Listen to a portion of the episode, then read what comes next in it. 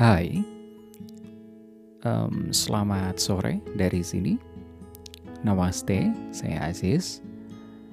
Di podcast yang kali ini masih lanjutan dari topik yang kemarin, yaitu tentang bagaimana menghadapi ketakutan dan kecemasan yang berlebih. Sebelum kita mulai uh, pembahasan kali ini, aku mau sedikit ulang tentang pembahasan di podcast yang sebelumnya. Kalau misalkan teman-teman belum sempat mendengarkan podcast yang sebelumnya, silahkan dengarkan. Uh, di pembahasan yang sebelumnya kita sudah membahas tentang observasi diri sebagai cara untuk menghadapi ketakutan dan kecemasan berlebih. Nah, di sini saya akan membahas lebih lanjut lagi bagaimana observasi diri ini bisa berdampak sebegitu besarnya terhadap kehidupan kita, terhadap kondisi kesehatan mental kita, pikiran kita, emosi kita, kondisi fisik kita juga.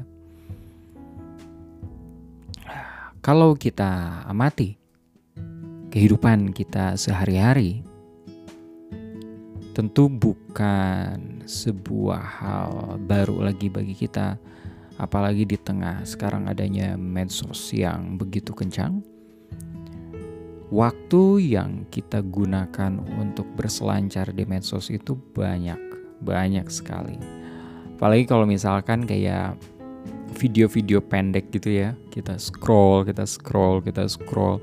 Eh tahu-tahu sudah 30 menit berlalu tahu-tahu sudah satu jam berlalu. Tahu-tahu satu jam kita duduk aja nggak ngapa-ngapain nggak gerak gitu kan. Lama-lama perhatian kita semakin kesedot ke dalam dunia maya itu. Akhirnya kehidupan kita di dunia real dengan masalah-masalah kita itu apa ya istilahnya? Terlupakan. Oke? Okay? nah terlupakan seperti apa sih terlupakannya? Ya misalkan begini. Teman-teman mungkin sedang memiliki kondisi di mana resah takut, anxiety ya, cemas berlebih karena mungkin baru uh, entah mungkin kehilangan pekerjaan atau sekarang banyak sekali kasus di mana uh, orang positif COVID-19 dan ada juga yang sampai meninggal. Ya mungkin hal-hal seperti itu bisa membuat mental kita drop ya ketakutan kita meningkat, kecemasan kita meningkat.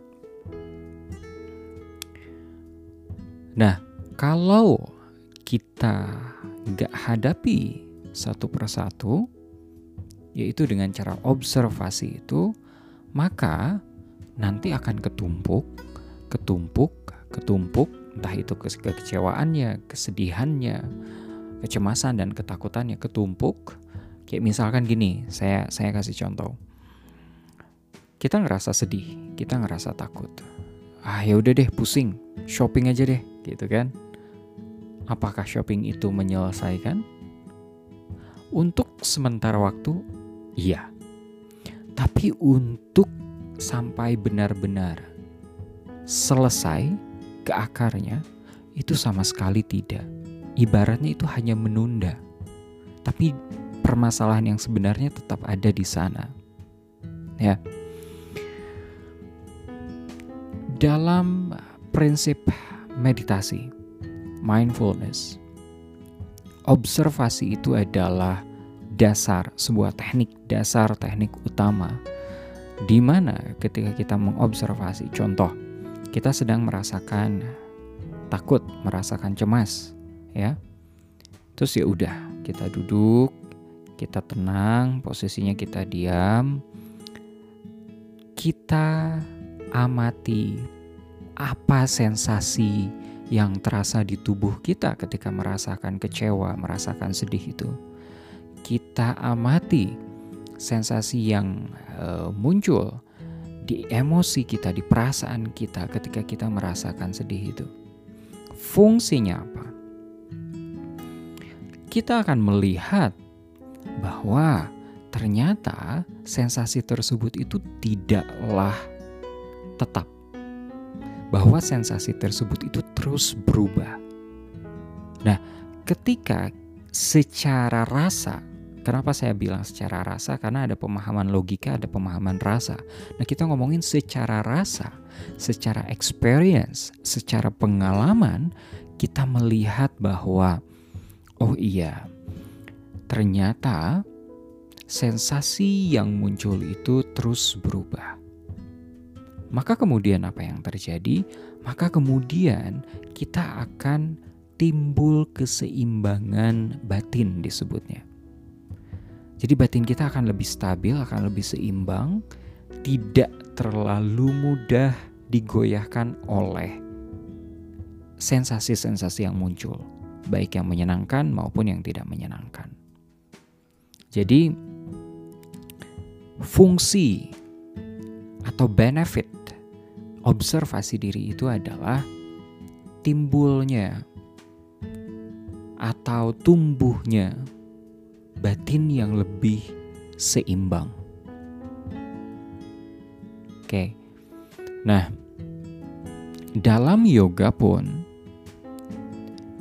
ada berbagai pendekatan. Tapi kalau saya pribadi saya tetap menggunakan pendekatan mindfulness ini dalam yoga pun.